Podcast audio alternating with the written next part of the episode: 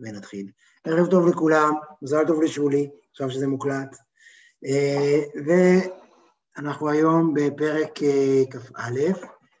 כמו שאמרתי בפרק הקודם, אנחנו לקחנו הפוגה של אה, ארבעה פרקים מתוך העיסוק בענייני עבודה והבינוני ומה הבינוני צריך לעשות ולא לעשות, ועברנו למרחב שהוא קצת יותר פילוסופי, שבעצם שואל מי זה אלוהים. עקרונית, היינו מצפים שכל דבר שעוסק בעבודת השם, קודם כל יתחיל בלשאול מי האנשים. עסקנו בעיקר באדם, לא עסקנו באלוהים עד כה. בעצם בפרקים הללו, הוא מתחיל בלשאול מי זה אלוהים, ולמה מעניין אותו בכלל העולם הזה, ולמה מעניין, איך מעניין אותו העולם, מה הקשר שלו לעולם הזה, ובעיקר מה המשמעות של המצוות.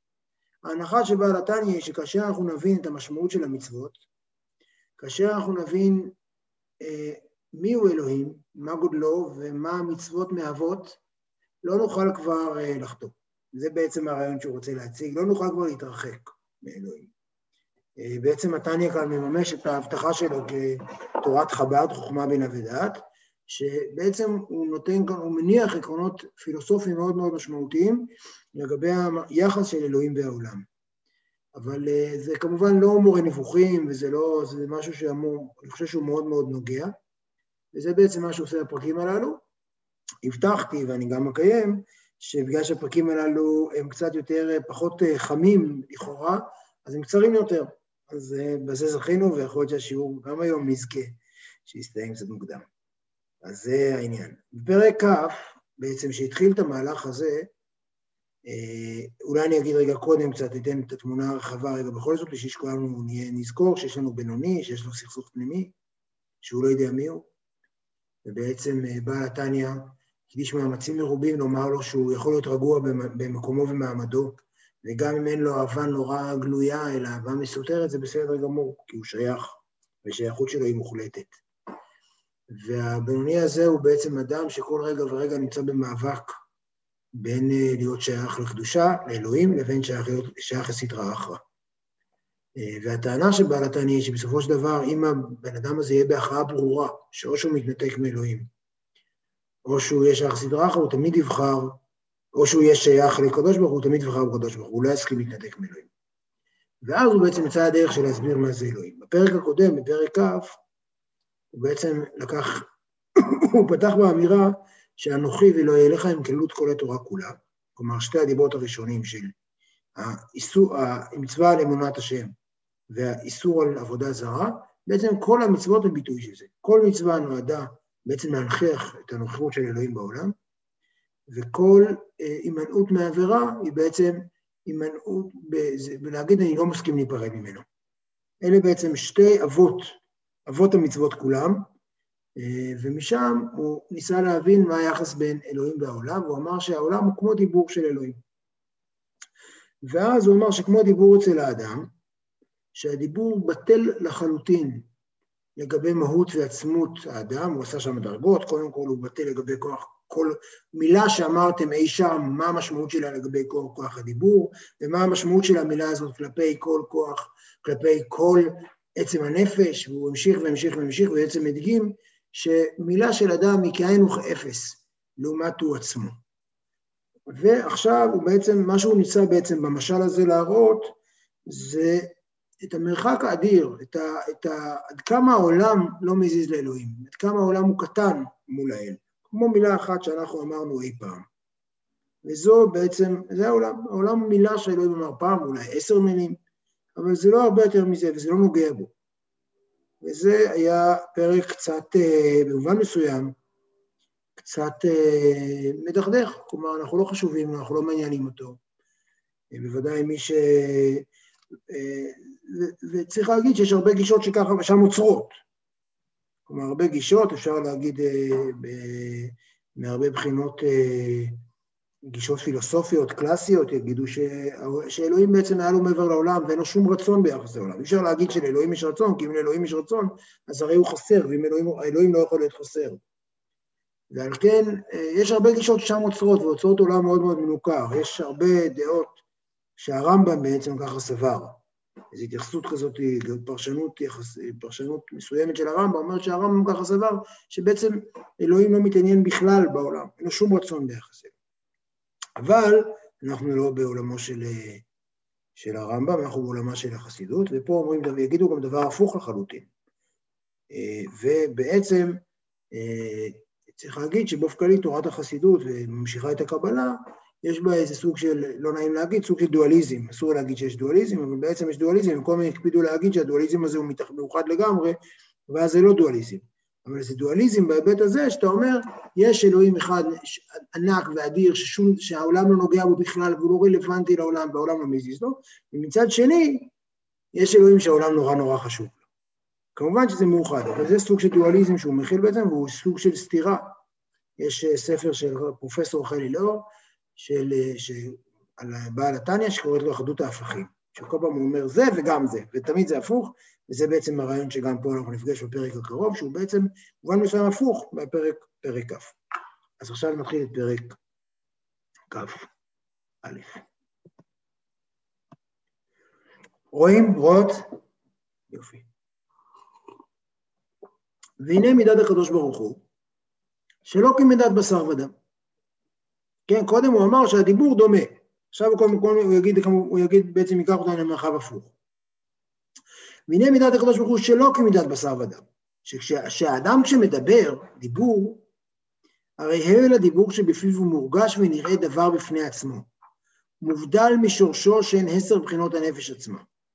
כלומר, המילה היא שאני הוצאתי, לפני כמה דקות אמרתי שלום, ערב טוב, מזל טוב וכולי, המילה הזאת היא כבר לא חלק ממני. היא מילה שיש לה כוח, אנחנו, עכשיו, במילים, בדרך כלל איך שאנחנו מסיימים לומר אותן, הן מתפוגגות, אבל לפעמים, אה, דמיינו איזו הקלטה שלנו, אפילו הד, הד זה דוגמה יותר טובה, שאנחנו רואים שלמילה יש קיום עצמאי. בעצם המילה הופכת להיות דבר שהוא מורגש ונראה בפני עצמו. אין לו כבר קיום. לכן אגב הוא גם מתפוגג מיד, הוא מתפוגג כי הוא כבר, אה, כי אנחנו סיימנו לומר אותו, אז הוא כבר בעצם, אבל אה, אין, כי אין לו קיום, אבל הוא בעצם, גל הקול שלו הוא מורגש ונראה דבר בפני עצמו. המילה הזאת כבר לא קשורה אליי, היא יצאה ממני, היא הובדלה מהשורש שלה, אה, מהנפש עצמה. אבל הקדוש ברוך הוא, אין דיבורו מובדל ממנו יתברך. כלומר, כאשר אלוהים אמר, וזה בעל שם טוב מביא, וזה נמצא גם בהמשך התניא, בשער איחוד ואמונה, כאשר הקדוש ברוך הוא אמר, יהי רקיע, אז המילה ירקיע היא אומנם נאמרה והיא לא יצאה ממנו. הדיבור נשאר חלק ממנו כל הזמן. המילה היא לא התנתקה, היא ממשיכה להיות אה, מחוברת אליו לחלוטין, למרות שהיא נאמרה אי אז. באופן כללי, כמובן שכל תפיית הזמן היא דבר שרלוונטי לחיים שלנו, לא לעולמו של אלוהים. וזה כמובן קשור לזה, אבל הקדוש ברוך הוא אין דיבורו מובדל ממנו יתברך חס ושלום. כלומר, אצל הקדוש ברוך הוא, עכשיו למה אין דיבורו מובדל ממנו? למה הוא לא יכול להגיד דבר וזהו? כי אין דבר חוץ ממנו. ולית אתר פנוי מיני, שזה סיסמה ידועה ומאוד מאוד חשובה, לית אתר פנוי מיני, אין מקום ריק ממנו. ולכן, אם אין דבר חוץ ממנו, אין דבר כזה שהוא אומר משהו והוא יוצא ממנו החוצה, כי אין חוצה. כל המשמעות של פנים וחוץ זו הבחנה שלנו, הבחנה שלנו כיצורים מוגבלים. אצל אלוהים אין דבר כזה פנים וחוץ. עכשיו זה כבר, אם, אם חושבים על זה רגע, זה כבר הופך את הראש, כי אנחנו רגילים שיש דבר כזה רחוק וקרוב מאלוהים. ממילא אנחנו מבינים שיש דבר כזה פנים וחוץ. אבל הוא אומר, אין דבר כזה, אין דבר חוץ ממנו, ולית אתר פנוי מיני. כלומר, כאן העולם הזה הוא לחלוטין, אלוהים נמצא לחלוטין בתוכו לגמרי. ולכן אין דיבורו יתברך כדיבורנו חס ושלום. שאנחנו בעצם עכשיו, צריך להגיד, אנחנו כן תופסים את עצמנו, ותכף נראה את זה, כדיבור מנותק ממנו. כלומר, כל אחד מאיתנו חושב, יש לו איזו אשליה, שהוא איזה משהו. כלומר, שבראו אותו, או כאשר אנחנו רואים תנינים, לא יודע מה, שבראו אותם באחד הימים שם בבריאה, אנחנו חושבים שמשהו חוץ מאלוהים. אבל כל המחשבה הזאת, שיש, ש, ש, שהדיבור הוא מובדל, זה משהו בראש שלנו, זו אשליה אופטית. ובתפיסה שבאה לתניא, בתפיסה שהוא מציג כאן, שהיא כמובן מבוססת על הקבלה, אין דבר כזה, זו הכל אשליה, אין דיבורו יתברך כדיבורנו חס ושלום. כמו שאין מחשבתו כמחשבתנו. כי דכתיב כי לא מחשבותיי מחשבותיכם, וכתיב כי הם גבו דרכי מדרכיכם וכו'. כלומר, כל, זה לא רק ש... עכשיו, מחשבה יכולנו לחשוב שזה דומה, גם מחשבה זה דבר אחר לגמרי. באופן כללי, הוא, הוא, הוא מיד יתייחס לעניין הזה, אבל כל אופן שבו אנחנו מדברים על אלוהים, הוא לגמרי, לגמרי אה, אה, צורך וקביים שלנו. אין לזה שום משמעות, זה לא מתאר שום דבר דומה. זה קצת מתאר את היחסים בין דברים, שתכף נראה, אבל זה בעיקר נועד לאפשר לנו לתפוס משהו. וצריך, ומה שהוא בא להגיד, למרות שזה נועד לעזור לנו לתפוס משהו, אין לזה שום משמעות, זה, זה דבר שאין שום השוואה בינו לבינו. ולא נקרא דיבורו יתברך בשם דיבור, רק על דרך משל. כן, זה הכל משל. זה שקוראים לדיבורו דיבור זה רק משל. למה זה משל? למה זה המשל? בכל זאת עכשיו, זה משל שהוא משל ראוי. למה משל ראוי? כי משתמשים בו בתורה. כלומר, הקדוש ברוך הוא בעצמו בחר בו, ולכן מותר להשתמש בו. באופן כללי, התורה מלאה בכל הביטויים האנתרופומורפיים האלה, שבעצם האנשה של אלוהים, שנועדו לעזור לנו להבין את זה.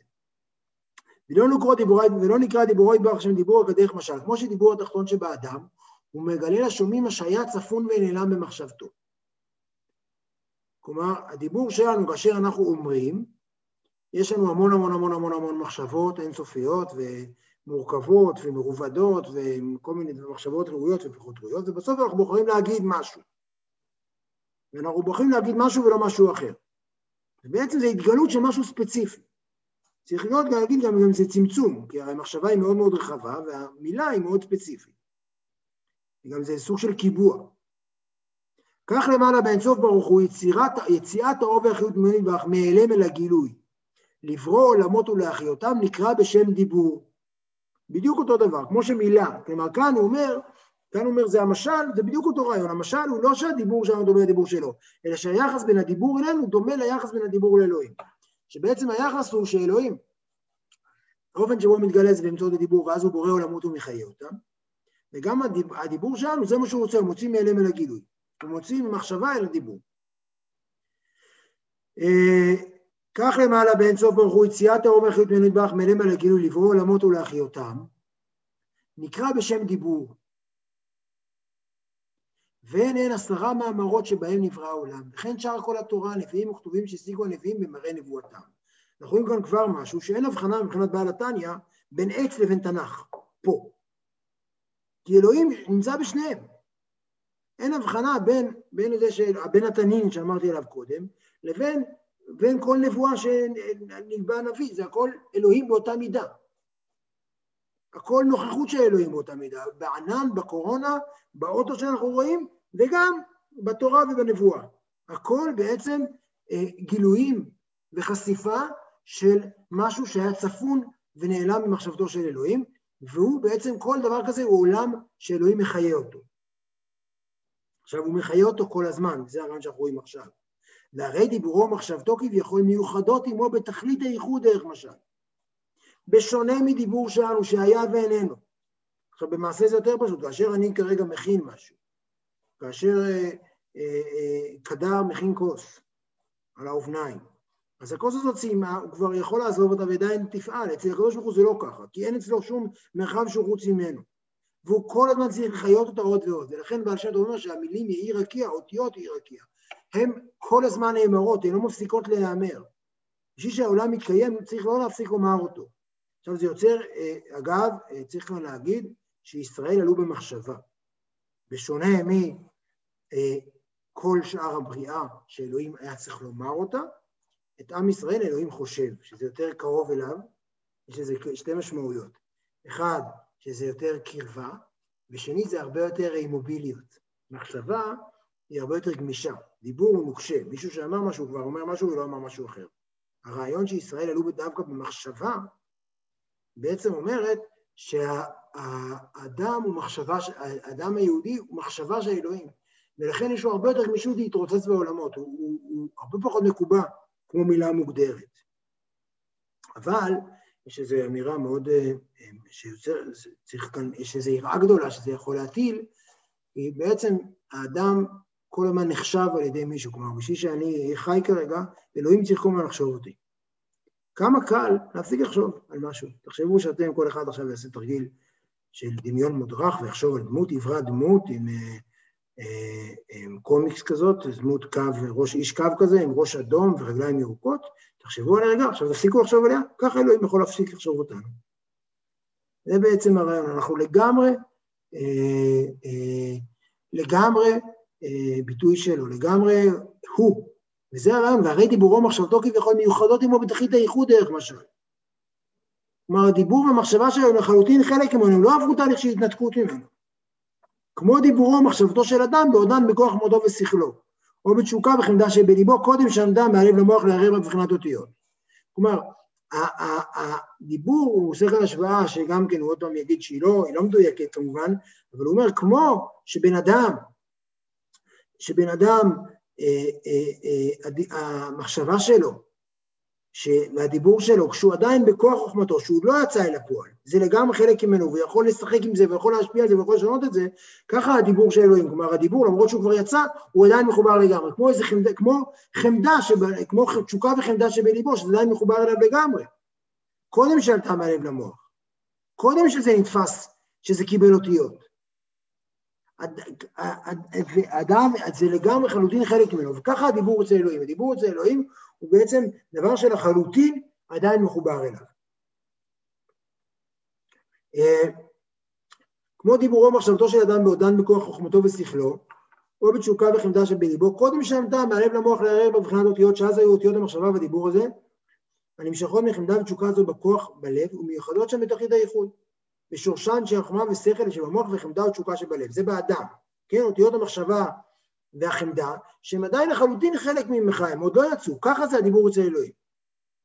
ככה ממש דרך משל, מיוחדו דיבורו ומחשבתו של הקדוש ברוך הוא בתכלית האיחוד במהותו ועצמותו יתברך, גם אחר שיצא דיבורו יתברך אל הפועל בבריאות העולמות. כלומר, הדיבור של הקדוש ברוך הוא, גם אחרי שהוא יצא, הוא כמו מחשבה שלנו לפני שהיא יצאה. היא לחלוטין חלק ממנו, היא חלק מהאישיות שלו. היא, היא עדיין, היא לחלוטין מחוברת אליו ולחלוטין גם חיה וניזונה ממנו. אין לה עדיין קיום עצמאי. למילה שלנו ולמעשה שלנו בוודאי, יש קיום עצמאי. למילה ומחשבה של אלוהים אין קיום עצמאי. ברגע שהוא מפסיק לחשוב אותה, הן נעלמות. כמו שהיה מיוחד עמו קודם בריאת העולמות. כלומר, המילה, הבריאה של הקדוש ברוך הוא, היא מחוברת עליו לחלוטין כמו שהיה קודם, אין שום הבדל, הקדוש ברוך הוא מלא את הכל.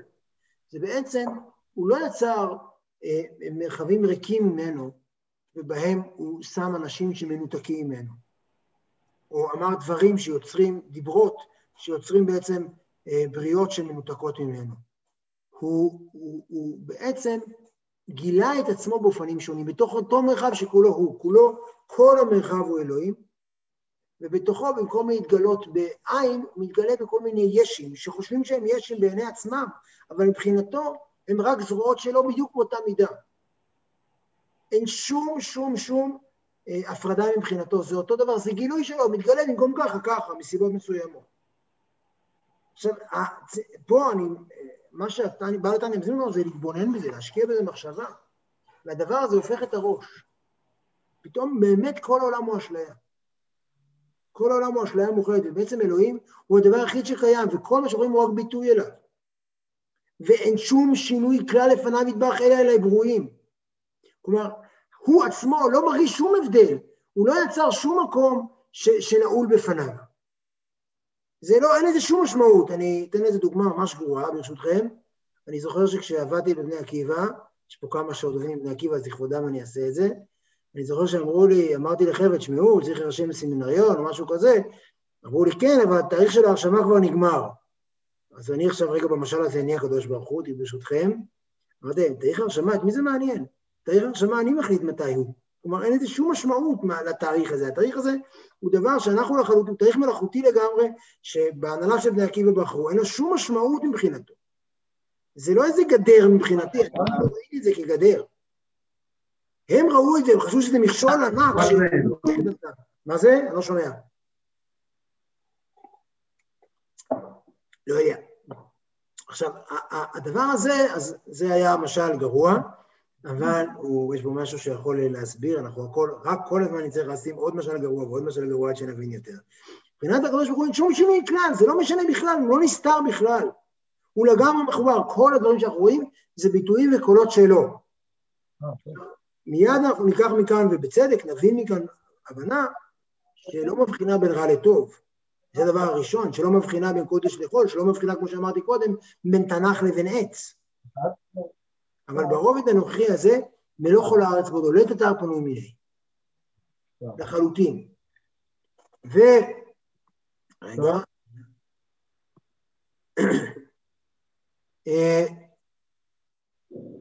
ואין שום שינוי כלל לפניו יתברך, אלא אלה ברואים המקבלים חיותם מבחינת דיבורו יתברך, מבחינת יציאתו כבר אל הפועל, מבריאת העולמות, שמתלבש בהם לחיותם על ידי השתלשלות מילה לעלול וירידת המדרגות בצמצומים רבים ושונים, עד שיוכלו הברואים לקבל חיותם מתאבותם ממנו ולא יקטבטו מציאות. אני אמרתי לכם שאחת הבעיות בתניא שהמשפטים שלו מאוד מאוד ארוכים. אז אני תמיד צריך אה, לקרוא ואז לחזור, לקרוא ואז לזה, וזה משפטים נורא נורא מורכבים. אני חושב, השאלה היא כזאת, אה, זה נשמע כאילו, אה, זה איפשהו מקביל, זאת אומרת, העניין הזה שהוא חייב להמשיך כל הזמן ולומר, או לקיים את, ה, את כל הדברים, כי אם לא, הם אז הם יתבטלו. הוא, הוא לא חייב, הוא יכול לא, הוא בוחר. אבל הוא, זה מכוח הימצאותו, זה נמצא כל הזמן, אבל הוא באמת נכון, ולכן הגישה שלנו זה שמחר לא בטוח שהשמש תזרח. לכן התפילה מכילה את הרעיון שמחדש טובו בכל יום תמיד מעשה בראשית. יכול להיות שהוא יתחייב כל מיני התחייבויות לנוח או לאברהם או ליצחק או ליעקב, אבל ברמה הבסיסית באמת שום דבר לא קיים. אין שום ודאות לקיום של הרגע הבא, אין שום ודאות לקיום שלנו. הכל הוא אשליה, וכי אשליה אפשר ברגע להגיד, יאללה, נגמרה ההצגה, קאט. וכל האשליה הזאת, כל המשחק הזה, כל הבימוי הזה ייעלם. זה באמת הכל תלוי בו, אבל זה, זה לא מגביל אותו, זה, זה רק, זה, זה, זה בעצם הטענה שהוא, עכשיו, זה בוודאי יוצר מצב שהוא לא מנותק ואין שום קשר אליו, כלומר, זה לא גישה שאומרת שאלוהים לא קשור לעולם, פה אלוהים לגמרי קשור לעולם כל הזמן, זו גישה של קרבה מאוד מאוד מאוד גדולה לכל דבר. אגב, מבחינתו, הרב שטיינס כותב את זה, אני חושב שזה, אין שום הבדל בין לדאוג לשאלה האם ביידן ייבחר או טראמפ ייבחר, לבין השאלה האם השיער שלי יהיה בבוקר יקפוץ או לא יקפוץ. זה גדול וקטן באותה מידה, אין שום משמעות, זה אותו גודל. ולכן ממילא אין פה, אין פה הבחנה של חשוב, אצלנו הכל, הכל לא נחשב מבחינתו באותה מידה. אבל זה יוצר תלות מלאה בכל דבר בעולם ודבר בעולם. יש פה ודאי איזה מימד של אינטימיות, שהיא קרבה מאוד מאוד מאוד גדולה. שהיא גם תלות, אבל היא לא מחייבת אותו, היא מחייבת, היא פשוט המציאות. אז רגע, בואו נקרא רגע אחורה. וככה ממש דרך משל, אתם זוכרים שהביטוי הזה הוא אחד הביטויים שהכי מפעילים את התניא, שמצד אחד ככה ממש, מצד שני דרך משל, שזה אוקסימורון, שהוא בעצם בא להגיד שהוא מתכוון נורא נורא ברצינות, אבל הוא לא יכול להגיד את זה, בסדר? וככה ממש דרך משל, מיוחדות דיבורו ומחשבתו של הקדוש ברוך הוא בתכלית הייחוד במהותו ועצמותו יתברך, גם אחר שיצא דיבורו יתברך אל הפועל בפריות העולמות. כמו שהיה מיוחד עמו קודם בריאת העולמות, ואין שום שינוי כלל לפניו יתברך, אלא אל הברואים. כלומר, רק הם מרגישים שקרה משהו, מבחינתו לא קרה כלום, אין שום הבדל. המקבלים חיותם מבחינת דיבורו יתברך, מבחינת יציאתו כבר אל הפועל בבריאת העולמות. כן, בבריאת העולמות, שהדיבור שלו יצא אל הפועל, אז הם מרגישים שקרה משהו משמעותי. מבחינתו לא קרה כלום, זה רק אופנים שונים שבהם הוא בא לידי ביטוי. שמתלבש בהם, בברואים, להחיותם על ידי השתלשלות מעילה לעלול וירידת המדרגות בצמצומים רבים ושונים. בואו נסביר את זה, עילה לעלול זה כמו סיבה ותוצאה, סיבה ומסובב.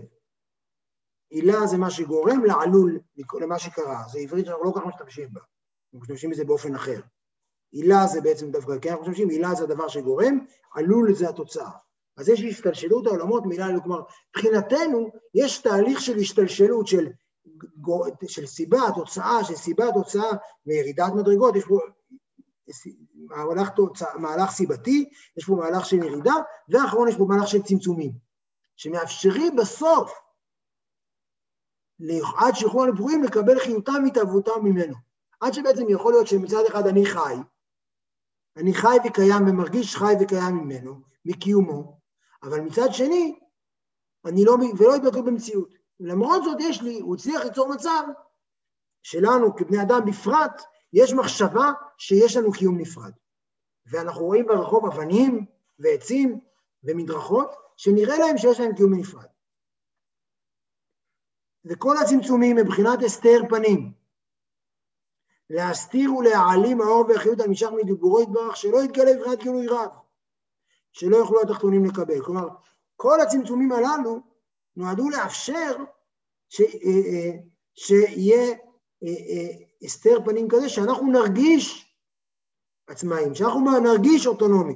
אבל אין לזה שום משמעות. דמיינו מצב של בובה, בובה על חוטים, שחושבת שהיא, שהיא בעלת אישיות. זה נראה מגוחך, מה, מה, איך, איך אפשר ליצור דבר כזה? אבל זה מה שהקדוש ברוך הוא הצליח לעשות. הוא הצליח ליצור מרחב, שלמרות שהבובה החוטים הזו קיימת, המריונטה הזו קיימת, היא עדיין, והיא, היא, היא, למרות שהיא מחוברת אליו לחלוטין ואין לה קיום, כן? זה הרבה יותר קיצוני מאשר בבעל חוטים, זה לא רק שהזרוע שלנו לא מפעילה אותה, אלא כל קיומה ממנו, ועדיין היא חושבת שהיא שווה משהו, שהיא חושבת שהיא נפרדת. ויש לה מספיק חיות וקיום שהיא יכולה לחיות, אבל אה, עדיין שלא, לא, שלא, שהם לא יתבטלו, שהם, שהם אה, אה, מבחינת הסתר פנים להסתיר ולהעלים האור ואיכות המשך מדיבורי מח, שלא יתגלה מבחינת גילוי רב, שלא יוכלו התחתונים לקבל. כלומר, זה לא, הם, יש להם מינימום אור שמצד אחד יהיו חיים וקיימים, מצד שני, הם, הם, אה, הם, הם לא, הם, זה לא יהיה גדול עליהם והם לא בעצם, לא יכילו את זה וישאבו אליו. אבל זה הכל וילון, זה הכל מעטה שאפשר להסיר ולראות העולם אחרת לגמרי. ולכן גם כן נדמה להם אור וחיות הדיבור של מקום ברוך הוא המלובש בהם, כאילו הוא דבר מובדל ממהותו ועצמותו יתברך.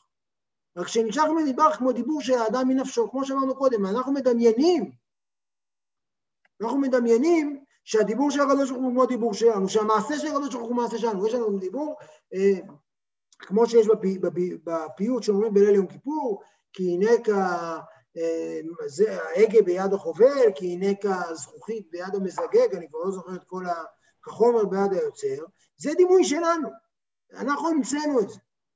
כלומר, הקדוש ברוך הוא יצר לנו את המרחב שמאפשר לנו לספר לנו את הסיפור הזה, אבל אין לו שום משמעות. באופן אמיתי הוא, הוא אשליה לחלוטין. הוא אשליה לחלוטין, אגב, ברגע שמגלים אותה, ברגע שמסירים את הביום כבר אין עולם. אגב, כשמסירים אותה גם אין צדיק ואין רשע ואין כלום. אין צדיק. בשונה ממה שאמרנו בהתחלה, שיש צדיק, צדיק לא נמצא אפילו במישור הזה. אגב, בא נתניה יגיד שפעם ביום בקריאת שמע קוראים לזה ייחוד העילה, ייחוד העליון, אדם צריך לחיות רגע אחד בהסתרת הווילון הזאת. רגע אחד ביום, להסתיר את העיניים ולהגיד שאין פה כלום, יש רק אלוהים, השם אחד. אבל שאר היום אסור לחיות ככה, כי אם חיים ככה, אז אין לנו עבודת, אין לנו שום עבודה, אין לנו שום מה לעשות. אגב, גם אין עביר, בזמן של איחוד ההילאה, שאם השם אחד, אין מצוות ואין עבירות. אין שום עבודה. אין מי שאוהב, כשאנחנו אומרים ואהבת את השם אלוקיך, כבר יש מי שאוהב את אלוהים ורוצה אותו ורחוק וקרוב, אבל בזמן שהשם אחד, אין אף אחד שאוהב, מה צריך לאהוב? זה אותו אחד. האצבע שלי לא אוהבת את היד שלי, האצבע שלי, היד שלי זה היינו הך. וזה, במרחב הזה אין אהבה, אין עבודה, אין שום דבר. יש נוכחות מוחצת של דבר אחד שאין לו. אך לגדי הקדוש ברוך הוא, וזה בדיוק המרחב הזה, אין שום צמצום והסתר ועילם, מסתיר ומעלים לפניו. שום דבר, זה, אין, אין שום משמעות, יש לו את המפתחות להכל, הוא שולט בהכל, הכל חלק ממנו לגמרי. וכחשיכה כאורה, זה ציטוט מתהילים עם שני כאפים. כלומר, זה לא, אם זה היה חשיכה כאורה, היינו אומרים שהחושך הוא כמו אור. זה לא שהחושך הוא כמו אור, זה שהאור והחושך הם, הם שניהם כ, שניהם אותו דבר, שניהם, אין שום משמעות, אין שום הבדל בין שניהם. ככה שכה כאורה, אין, שום, אין חושך ואין אור בעצם. כי דכתיב גם חושך לא יחשיק ממך, וגומר. משום שאין הצמצומים והלבושים דבר נפרד ממנו יתברך, חס ושלום. כלומר, כל המדרגות והצמצום והכל, זה הכל משמעותי בשביל הנבראים. אין לזה שום משמעות מבחינתו. עכשיו, אני חייב להגיד, קשה להבין את זה. וזה בסדר שתבינו את זה, כי אנחנו בזווית שלנו של המציאות. אני חושב שאפשר להתאמץ, וזו עבודה אה, אפילו של התבוננות, או נקרא לזה בשפה אה, מודרנית יותר, סוג של מדיטציה, שבה בן אדם אה, בעצם מצליח לראות את העולם כאשליה מוחלטת. שבה בן אדם כמו ללכת על הקרח, הוא מבין שהעולם הזה הוא לא יציב, שאין בו כלום, שבסוף אל, אלוהים הוא הדבר היחיד שנמצא בו. זו חוויה מאוד מאוד מחרידה גם, יש בה המון המון קרבה, כי אם, הקדוש ברוך הוא הכל, הוא גם אני לגמרי. אני חלק מהמפה שלו לגמרי, אני איזה בליטה קטנה בתוך המציאות של, ה, של האינסוף שלו. אבל אה, חוץ מהקרבה, יש בו גם חרדה מאוד גדולה, כי אתה פתאום מבין שכל מה שהיית בטוח בו לא קיים. משום שאין הצמצומים והלבושים דבר נפרד ממנו יתברך חס ושלום, אלא כהדן קמצא דלבושי מיני ובי. קמצא זה חגב, אה, שאני לא יודע את זה ביולוגית, אל תפסו אותו על המילה וגם לא אותי, שבעצם אין אצלו הבדל בין העור לבין הבשר, שאין שם שום דבר מסתיר. אצלנו יש עור, שמתחת לעור יש בשר. והעור יש לו תפקיד מגן ותפקיד מסתיר ותפקיד מבדיל. בעצם זה הגבול של הגוף שלנו. החגב הזה אין לו לבוש, ובעצם הוא הלבוש שלו. אז הקדוש ברוך הוא כאן משווה לחגב, בעל התניא בוחר את ההשוואה המעניינת הזאת, והוא בעצם אומר, אין פער בין הלבוש לבין הגוף, אין לו שכבות, אין לו, אין קרוב ורחוק. הדבר החיצוני שלו הוא בדיוק כמו הדבר הפנימי שלו. כמו שכתוב, כי השם הוא האלוהים. כלומר, השם, שזה בעצם הרובד האינסופי של הדיבור, כמו שלמדנו בפרק הקודם, שאין לו שום משמעות לעולם והוא נצחי לחלוטין, והעולם והמילה הזאת היא כלום בשבילו, הוא האלוהים, הוא בעצם הדבר שנוכח בכל דבר ודבר בעולם, האלוהים זה גם גמטריה הטבע, שזה ידוע שבעצם השם מתבטא בזה. כמו שכתוב במקום אחר, ולכן קמי כולה כלא חשיב ממש. שפה שני הפרקים בעצם נפגשים, שבסופו של דבר גם פה בעצם העולם, העולם אומנם, העולם, בפרק קודם העולם היה רחוק ממנו, הושלך ממנו. העולם, המילה שנאמרה אי פעם, זה העולם היה, וזהו, והקדוש ברוך הוא זה לא נגע בו. ולכן העולם לא חשוב בפניו. כאן העולם לא חשוב בפניו לא כי הוא הכי רחוק, אלא כי הוא הכי קרוב, כי הוא לחלוטין חלק ממנו. וזה בעצם הרעיון של הפרק הזה, שהוא תפיסה אה, אה, אה, שבעצם של כל המציאות כאשליה, של כל המרחב כמרחב אה, אה, לחלוטין אה, מלא באלוהות, ושאנחנו סוג של דבר, כל התפיסה של העולם, קוראים לזה ייחוד התתאה, אמרתי שיש ייחוד העליון, שבו רואים את העולם מזווית נקודת של אלוהים. ייחוד העליון הוא שרואים את העולם מנקודת מבטו של אלוהים, שבעצם, שבו בעצם אה, העולם הוא, הוא, הוא, הוא לחלוטין רק דבר אחד. הייחוד התחתון הוא בדיוק הפוך, שבו אתה רואה את העולם מנקודת מבט שלך, שכל העולם בטל אלוהים, אבל יש עולם. ובפרק הזה הוא ניסה לתת לנו לרגע את הניסיון לתת לנו את העולם מנקודת מבטו של אלוהים, ששוב, במרחב הזה אין סדרה אחת. אין שום, לא יתכנו, אין שום התכנות למשהו רחוק ממנו, הכל הוא. וזה שוב גם מבטא קרבה גדולה וגם מבטא חרדה גדולה. אז זה הפרק הזה. אני בכוונה לא... אני רוצה, כאילו, הוא מציג כאן איזה מודל שהוא צריך לתת את. כל פרק, אני חושב שהוא מציג עוד שלב בו, ואנחנו עוד לא נגיד למה זה נוגע ללב. אני לא מנסה כרגע, בשבילי, אני חושב שמי שמתבונן בזה כבר מרגיש שיש בזה משהו שהופך את הראש, לגבי התפיסה שלנו את העולם ואת אלוהים. אבל קודם כל בואו ניתן לעמדה, החצי פילוסופית הזאת, הפילוסופית הזאת, לעמוד אה, בפני עצמה. זהו, זה היה הפרק. מישהו רוצה, מישהו רוצה לומר משהו? זה קצת אה, מעורר אה, באיזשהו מקום אדישות מסוימת. מה זה משנה? כאילו הוא לא, הוא לא נוגע, הוא לא מחבר בתוך הפרק שהוא מדבר על משהו שהוא אה, כל כך משמעותי וכל כך גדול, הוא לא מוציא מזה איזשהו, עוד איזושהי השתלשלות, עוד איזושהי מסקנה או עוד, עוד איזושהי תובנה לגבי, אה, לגבי עבודת השם, אם, אם בכלל זה כאילו זה, זה בכלל מגיע ל... לאיזשהו אה, מושג, למה זה משנה, אם הוא כל כך גדול והכל, והכל זה הוא, אז אה, בסדר, נכון שאנחנו מרגישים מהצד שלנו מה שאנחנו מרגישים, אז אם כן, כאילו, באמת מה זה משנה. בעצם ברגע שאמרת שמע ישראל, אני חשבתי על זה שכאילו זה לא הנקודה של שמע ישראל, אלא הנקודה של זכירת מעמד הר סיני, שבו הייתה התגלות אלוהית, שהוא באמת חשף את מי הוא ומה הוא לעולם, זו הפעם היחידה ולכן צריך לזכור את זה כל יום, אבל ברגע שעשית את זה, זהו, אין, אין, אין לאחריו כלום.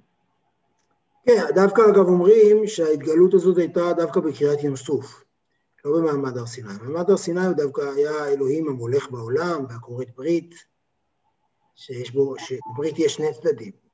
דווקא קריאת ים סוף מתוארת כרגע הזה שבו העולם נקרע, ובעצם הקליפה של העולם הוסרה, והעולם, את האחדות שלו התגלתה.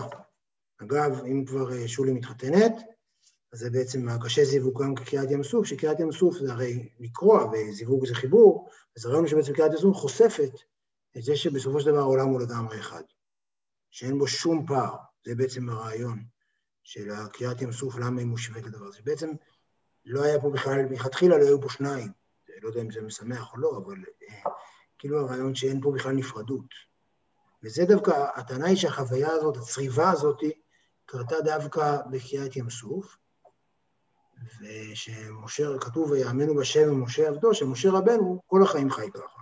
משה רבנו לא הצליח להבין שיש עולם, הוא גם לא הבין, לכן הוא היה גם, לכן הוא היה מגמגם. הוא לא הבין את עם ישראל, הוא לא הבין מה מעניין אותם בשר, שיש רק אלוהים, מה אתם צריכים את זה? הוא בעצם היה מישהו שתמיד חי בראייה הצורבת הזאת שיש רק אלוהים. אבל בגלל שאמרתי... אז למה אתה משתמש בביטוי אשליה? אני בטוחה שזה אשליה. הקיום הנפרד הוא אשליה. הקיום הנפרד. הקיום הנפרד, המחשבה שיש דבר שנפרד ממנו, לכן זה משהו שבעצם, בהרבה בחינות, אני מסכים עם הטענה, עם שריאל שאומר, שבעצם יותר סוג של אדישות לעולם, זה נכון, אני מסכים עם זה, הכל אלוהים, זו גישה בוודאי שיש בה אלמנט מאוד מאוד פסיבי, כי אין שום משמעות להתקדמות, אבל בסדר, אנחנו לא נשאר רק בה. מאוד ניו אייג'י. מה? מאוד ניו אייג'. תראה, חסידות היא תנועה מאוד מתקדמת, פרוגרסיבית, אנחנו, זה אנחנו יודעים. אה, אני אקרא רגע משהו מהרב שטיינץ ואיתו נסיים, בסדר? כי בכל זאת שיהיה משהו אה, שחשבתי שיכול... אה, למבוגר המשחק עם ילד קטן במשחק שמרוויחים ומפסידים בו כסף כביכול, אין בעצם כל הבדל בין פרוטה למיליון. תחשבו שאתם משחקים עם ילד מונופול. זה לא משנה. אין זה אלא משחק. מילין דאתיוטה. אבל אולם עבור הקטן זה עולם ומלואו. יש הבדל עצום אם יוציא את המקל השחור ששווה פרוטה או את המקל האדום ששווה מאה. בין מקל למקל עומד כל עושרו של הילד ברגע הזה. במובן הזה הקדוש ברוך הוא משחק איתנו בעולם. הוא משחק את מלך העולם. אלא, וזו הנקודה החשובה, ברגע שהוא מסכים שמלך שמו נקרא, שהוא משתתף איתנו במשחק, הוא באמת מלך העולם. כלומר, זה הכל, הוא נכנס למשחק הזה, אבל מבחינתו זה משחק, זה, שוב, זה לא דבר שהוא, זה לכן זה, במקום להשתמש במילה אשליה, אפשר להשתמש במילה משחק, זה יותר חינני. דבר השם הוא הדיבור שלו, אינו נפרד ממנו, הוא חלק מהותו בעצמה. אינו שולח שליחים לשחק במלך העולם, הוא עצמו יורד, נמוך שבנמוך להיות מלך העולם. משום כך, שומע הקדוש ברוך הוא את כל הנער באשר הוא שם, בכל דבר ובכל דרגה. בדיוק כשם שהוא שומע את המלאך מיכאל. שניהם בטלים באותה מידה ושניהם חשובים באותה מידה כלפי מי שמלך שמו נקרא. כלומר, יש כאן איזה רעיון שברגע שהוא, שהוא יורד לשחק בעולם הזה, אז הכל קרוב אליו באותה מידה. יש פה משהו שהוא מצד אחד נורא רחוק, מצד שני משהו נורא נורא קרוב, אז הנה זה בכל זאת משהו שיש בו איזה מימד של החלוכית. זהו, תודה לכולם, בשמחות, מזל טוב. תודה. להתראות, שבוע טוב. שבוע טוב. תודה.